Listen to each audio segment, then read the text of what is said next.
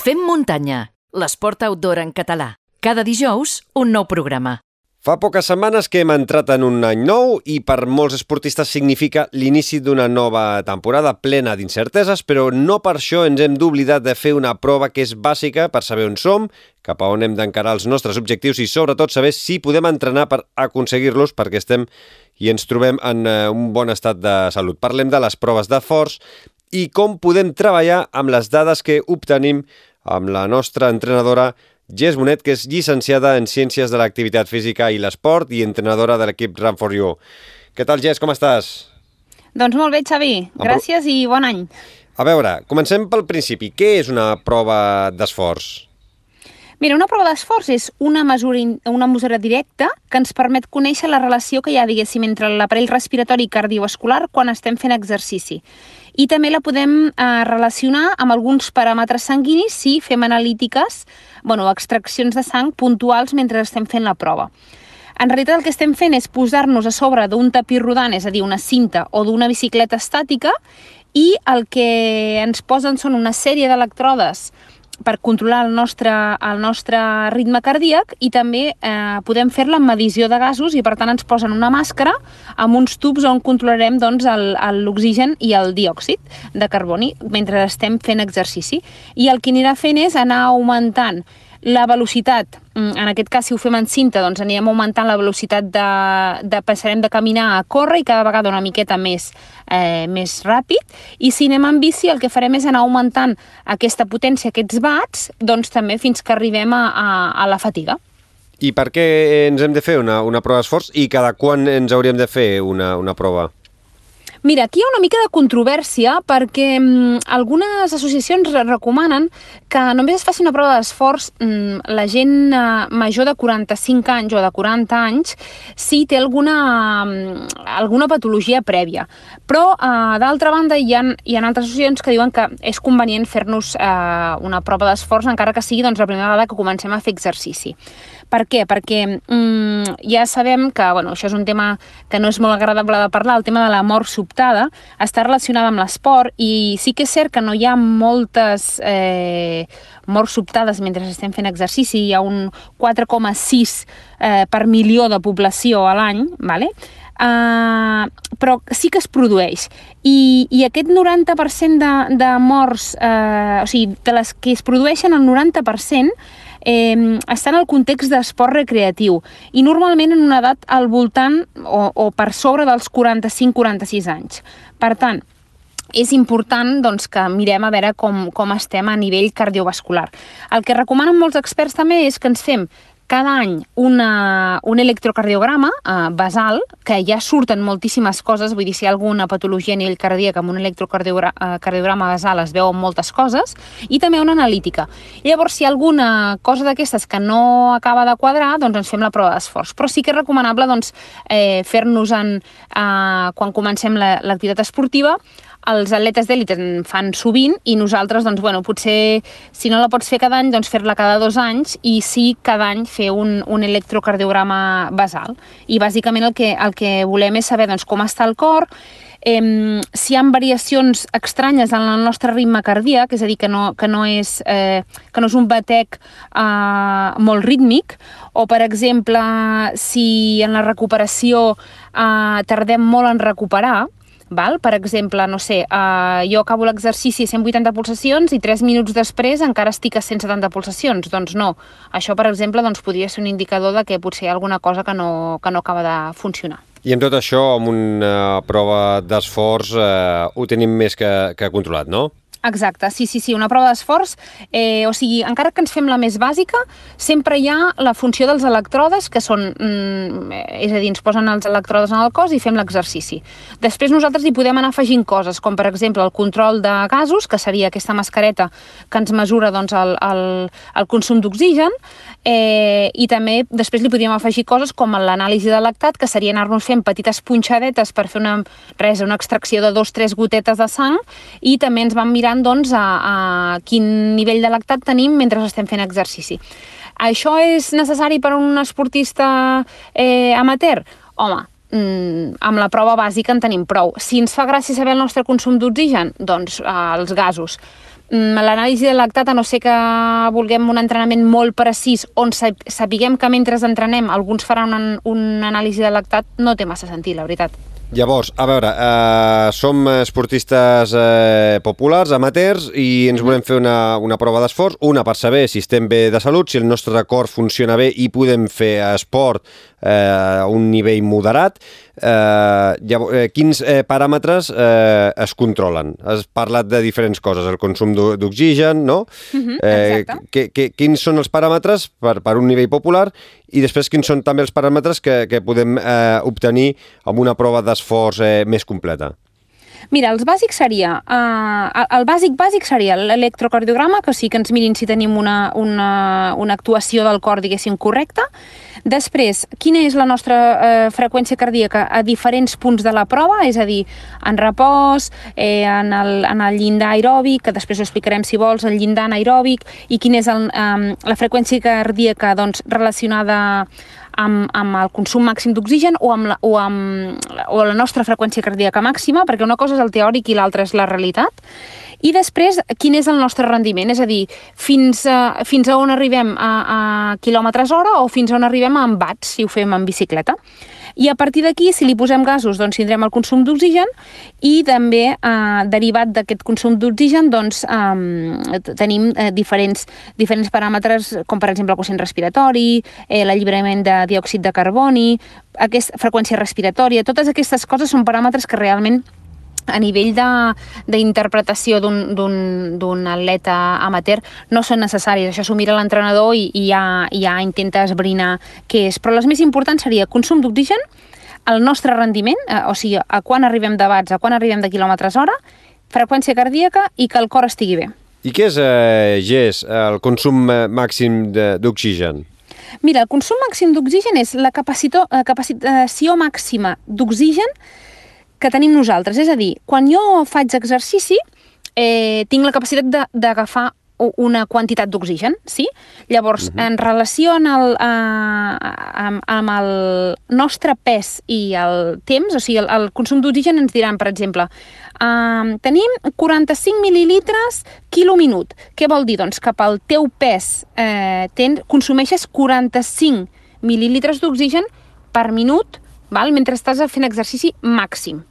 Val? Val. Llavors, mm, nosaltres el que eh, molta gent busca, diu, ostres, és que, no sé, per exemple, eh, Kilian Jornet té un consum d'oxigen brutal, no? Clar, Kilian Jornet tampoc n'hi ha tants. Vull dir, una persona sana eh, pot estar entre 30 i 45 mil·lilitres d'oxigen, val? De a quilo minut. Llavors, um, a mesura que entrenem més, i no només això, sinó a, a, en funció del nostre biotip o en funció de la nostra genètica, som capaços de tenir més o menys. És a dir, podem millorar el consum màxim d'oxigen? Sí. Uh, el, arribarem a ser un Indurain, un Kilian Jornet? No, probablement no, perquè ja ho sabríem. O sigui, mm, el és genètic? És genètic o no? Té una part genètica, sí, sí, hi ha una part genètica. És a dir, hi ha una part de que es pot millorar, però hi ha una part genètica important. Sí, sí. Mm -hmm. Llavors, eh, eh, més, més o menys amb la teva experiència, quin percentatge podem millorar? És a dir, la, també suposo que la, segons l'edat en la qual comencem a fer esport, no? Sí, exacte. Eh, mira, el consum d'origen, mm, a, a, a veure, es diuen, hi ha estudis que es diu que es pot millorar entre un 10 i un 15%, val? però també hi ha una altra cosa molt important. Quan nosaltres comencem a fer exercici, eh, i són persones amateurs, normalment perdem pes. Vale?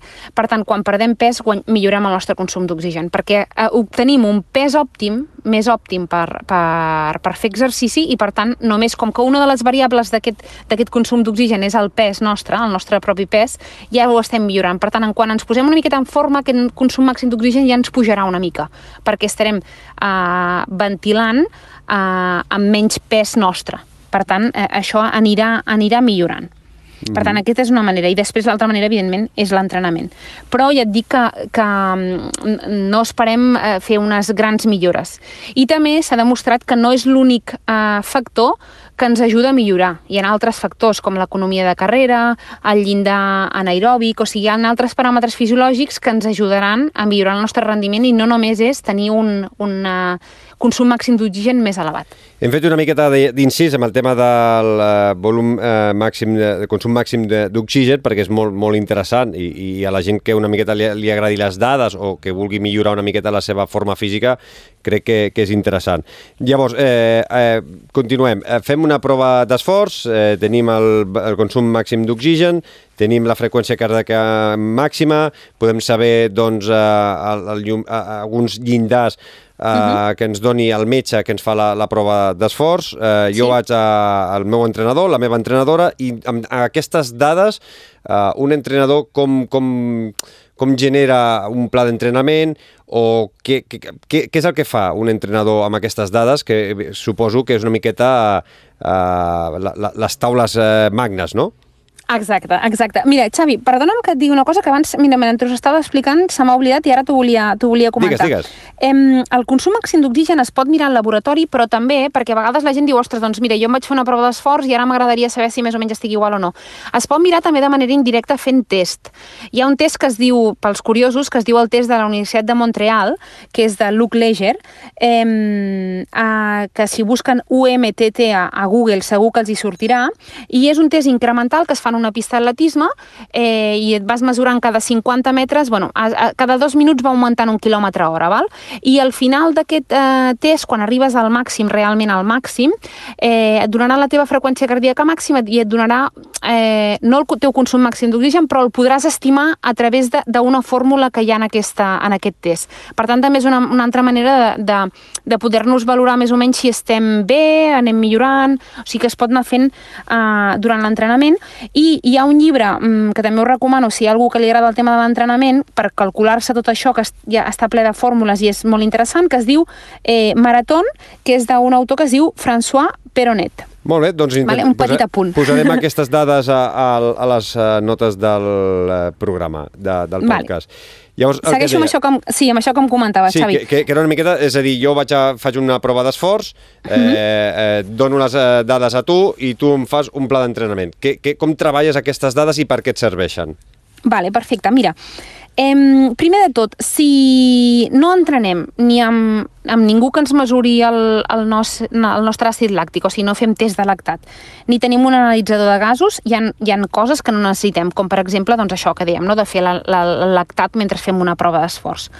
Eh, però sí que tenim, la majoria, tenim un GPS, un rellotge GPS o fins i tot una aplicació al mòbil i també podríem tenir una, una cinta de freqüència cardíaca o podríem tenir eh, els rellotges, eh, doncs, no sé, eh, un Sunto, per exemple, amb la freqüència cardíaca en el canell, ¿vale? Uh. -huh. Eh, o, per exemple, si anem amb bici, tenim mm, molta gent que entrena amb bici té un SRM, que és un, un medidor de potència, de watts. Vale. Si tenim alguna d'aquestes eines, és perfecte per l'entrenament, perquè nosaltres el que farem als entrenadors és llegir-nos aquest informe i veure sobretot dos punts importants. Un punt, el primer llindar ventilatori o llindar aeròbic. Què és això? Això està relacionat amb les nostres reserves energètiques.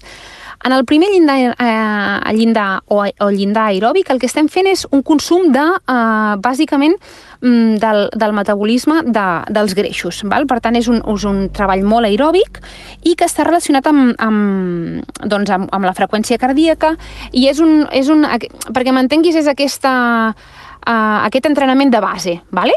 Per tant, això en, en la prova d'esforç serà la primera petita mm, eh, desviació en la corba que, que hi ha eh, de la velocitat vale? i del consum d'oxigen. Vale? O sigui, tu quan mires una, una prova d'esforç hi ha com, com dos puntets i el primer puntet és aquest llindar aeròbic. Això ens servirà per marcar-vos quin és el, el vostre ritme eh, de, eh, de rodatge. Per exemple, uh, no sé, ens surt que um, està a X mil·lilitres d'oxigen, que hem dit que no ens interessa perquè no anem amb una anàlisi de gasos, amb un analitzador de gasos, però sí que ens dirà això per tu és 140 pulsacions. Perfecte, doncs l'entrenador sap que les 140 pulsacions és les que ha d'anar per fer aquest tipus d'entrenament. Un entrenament de base, un entrenament aeròbic. Val? Mm -hmm.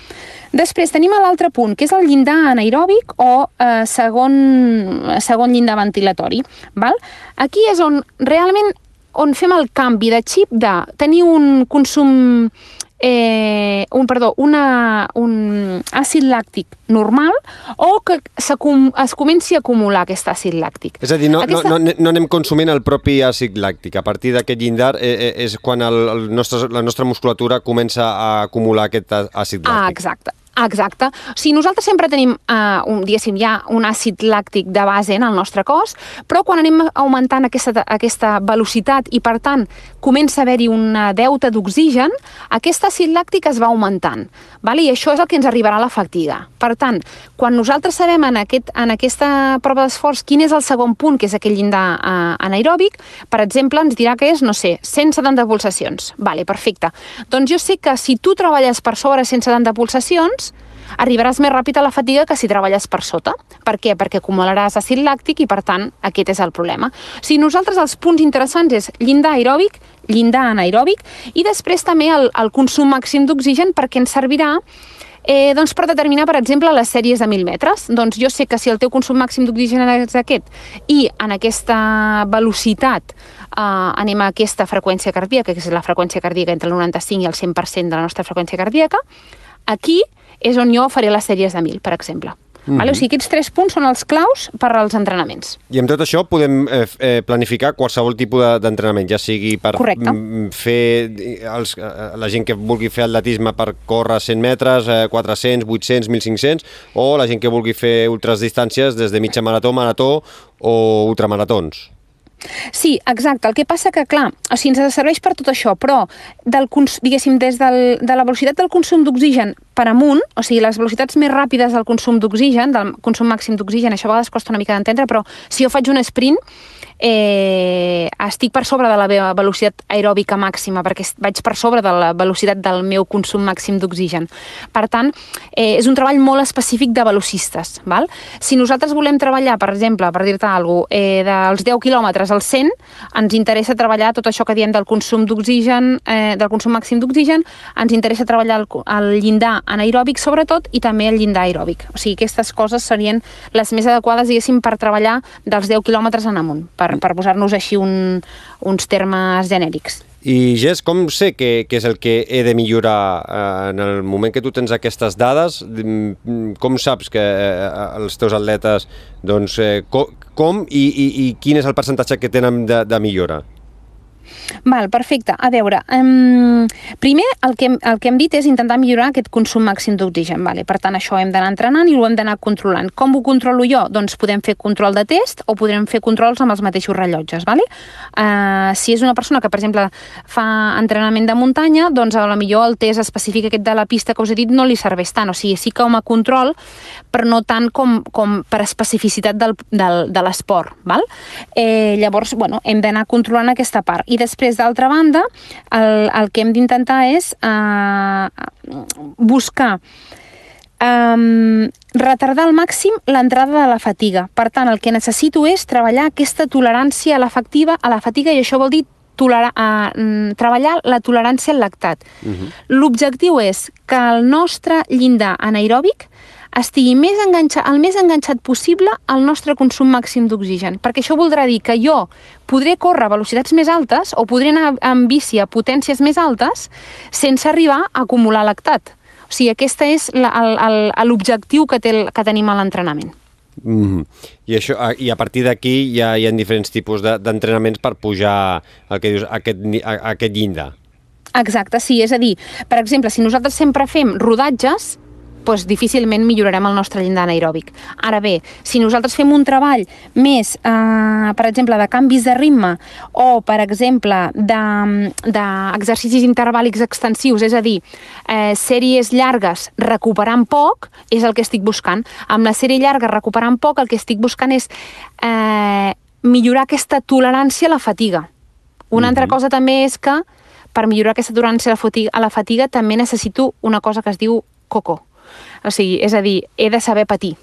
Mm -hmm. Perquè, clar, els entrenaments on, es, on el que jo vaig fent és acumulant fatiga, acumulant fatiga, acumulant fatiga, si no tinc uh, una bona tolerància a la fatiga mental, diguéssim, amb constància. No acabes l'entrenament i no, no, o no acabes el pla d'entrenament. No? Exacte, sí, sí, sí. Llavors, u, u, ten, tenim, eh, tenim eh, la freqüència cardíaca, tenim les escales de, de treball, no? És a dir, el famós eh, R0, R1, o, Sí. ta, o també ho he vist escrit amb, amb una Z, no? És a dir, és el mateix. És el mateix, sí, sí, és zona o, o, o zona o, o sí, o, o, exacte, eh, vull dir, és el mateix, és amb Z, amb R, com vulguis. I per tots és, és, som, és igual o, o, o pot variar aquest percentatge d'escala de treball? Pot variar una mica, però en, en general és, és, uh, és molt, molt igual pels, per tots els, els eh, entrenadors, o sigui, més o menys fem tot, servir tots el mateix. Seria l'R0, que seria el regeneratiu, és a dir, per sota del 65% de la freqüència cardíaca màxima, que és un rodatge, saps, el típic, no sé, has tingut una cursa i l'endemà surts a rodar una miqueta molt, molt suau. Això seria un R0. Una mica, val? més, una mica més ràpid que camina. Exacte, una mica més ràpid que caminar, correcte. Després tindríem el llindar aeròbic, que mm, seria entre el 65 i el 75% de la freqüència cardíaca màxima, i normalment es treballa doncs, amb un treball continu, és a dir, una, una carrera contínua, un rodatge, o mm, farlek, un, un rodatge llarg però amb canvis de ritme, ja sigui perquè els fem amb crono o ja sigui perquè hi ha doncs, eh, pujades, baixades, vale? el típic farlek mm. eh, escandinau, diguéssim. Després tenim l'R2, que seria treball amb el llindar anaeròbic, entre el 80 i el 90% de la freqüència cardíaca màxima, i també es pot treballar en continu, uns continus aquests més, més curts i, i més intensos, amb fàrlecs també més curtets, per exemple, un minut ràpid, do, eh, un minut suau, eh, o amb intervàlics extensius, doncs amb aquestes sèries, no sé, per exemple, d'un quilòmetre eh, recuperant un minut. Val? Vale. Després tenim l'R3, que seria el consum màxim d'oxigen, que és treballar al 95-100% de la freqüència cardíaca màxima i perquè m'entenguis són els, les sèries de 1000. Vale? Podrien ser sèries de 500, sèries de 1.000. O sigui, aquestes sèries molt intenses eh, a una velocitat mm, xula. A, a una velocitat de competició, gairebé. A una velocitat de sobre. competició, exacte, exacte, totalment. I després tindríem l'R4, que seria eh, el, el que s'anomena anaeròbic, que seria la tolerància al lactat, que ja són sèries molt curtes, mm, eh, intervals o repeticions molt curtes, és a dir, si són intervals vol dir que recuperem poc, és a dir, que no deixem temps a que el cos es recuperi del tot i per tant el que fem és a, a augmentar la tolerància al lactat. I després tindríem el que són les repeticions, que el que fem és recuperar molt perquè el, el que volem és no, no la tolerància al lactat, sinó el que volem és intentar a, arribar una miqueta més amunt de lactat, concentrar una miqueta més de lactat i, eh, per tant, necessitem una recuperació a la millor de 10 minuts per fer una sèrie de 400. Val? Per tant, aquestes sèries nosaltres amb, amb el treball de muntanya i de fons no la faríem servir tant. Faríem servir potser les sèries de 200 metres recuperant 30 segons, per exemple, dos blocs de 10 minuts de 200 metres recuperant 30 segons, però no treballaríem tant quatre sèries de 400 recuperant 10 minuts, mm. vale? perquè no, no és l'objectiu nostre. I per últim hi ha l'R5, que hi ha, hi ha persones que el diferencien, que seria el treball de velocitat. O sigui, les sèries de 50 metres, de 100, no, res a veure amb el que, amb el que treballem nosaltres. Mm, sí, alguna vegada he fet alguna sèrie d'aquestes curtes i són les que menys m'agraden, eh? Ah, les, sí? sé- les sèries aquestes curtes són les, la, les que pitjor... Eh, Les més porto. odioses, eh? Sí, sí. Perquè, sí, no, és que fan patir, fan patir. Sembla que no, però, però fan patir. A veure, Gés, per acabar, ja fa un temps que veig que també per Strava, corredors, que en canvi de, de veure la freqüència cardíaca, veig els bats de, de potència, que n'hem parlat ara aquí també, els bats de potència, sobretot en el ciclisme, però Sí. també eh, n'he vist en en gent que, que, que, que es veuen els bats mentre corren. Eh, fins fa un temps, doncs això, només ho veiem amb, amb, amb ciclistes. Eh, pots fer-nos 5 cèntims del tema de la potència en corredors i si et sembla, perquè jo crec que pot donar per, per una secció, ho parlem més tranquil·lament eh, un altre dia. Doncs mira, eh, sí, jo crec que, que t'emplaço que ho parlem un altre dia, però així per fer-te 5 cèntims, eh, el que fa servir molt la gent ara és un, és un aparell que es diu Stride, que perquè ens entenguem ràpid, és com el xip aquest que es posava a la, a la sabata, Sí. sí. en els cordills, doncs més o menys igual, és una peça que va a sobre de, de, dels cordills, s'enganxa allà, i el que ens està mesurant és la potència mentre estem corrent. Um, molta gent està entrenant amb això, uh, doncs, bueno, mm, mentre està entrenant ho va mirant o, o quan acaba l'entrenament va comparant uh, doncs, eh, si fa sèries més curtes, doncs, si, quin és el temps de contacte, quina és la, la potència des, desenvolupada mentre està fent l'entrenament. Vull dir, és, és un tema interessant i que s'està posant molt de moda eh, doncs per controlar-ho, per controlar els entrenaments d'una altra manera mm, també bastant ajustada, però sense, doncs, a millor, mm, jo què sé, el que dèiem, no? Nosaltres no tenim la possibilitat de fer anàlisi de lactat cada dia, perquè és caríssim i perquè tampoc pot fer-ho tothom. Doncs això és una eina extra que ens ajuda doncs, a, a apurar una miqueta més aquesta intensitat dels entrenaments i per tant ajustar-ho una miqueta millor, ser una miqueta més, a personalitzar una miqueta més encara en la càrrega d'entrenament. Doncs, eh, Gest, emplaço a una propera secció. En parlem més, amb més eh, tranquil·litat, eh, només del tema de la potència, de si val la pena, no val la pena, què podem millorar i com eh, doncs, eh, pots eh, planificar aquests entrenaments a partir, no, ja, no tant a partir de, de, de, de la freqüència cardíaca, sinó més a partir de, del, dels bats. Eh, Jess Bonet, que és llicenciada en Ciències de l'Activitat Física i l'Esport i entrenadora de l'equip Run for You, és entrenadora també del Fem Muntanya, la trobareu a Instagram i a Twitter i a les notes d'aquest programa us deixarem eh, els seus enllaços. Moltíssimes, moltíssimes gràcies i fins la propera, Jess, cuida't! Gràcies a vosaltres! Visita la nostra web femmuntanya.cat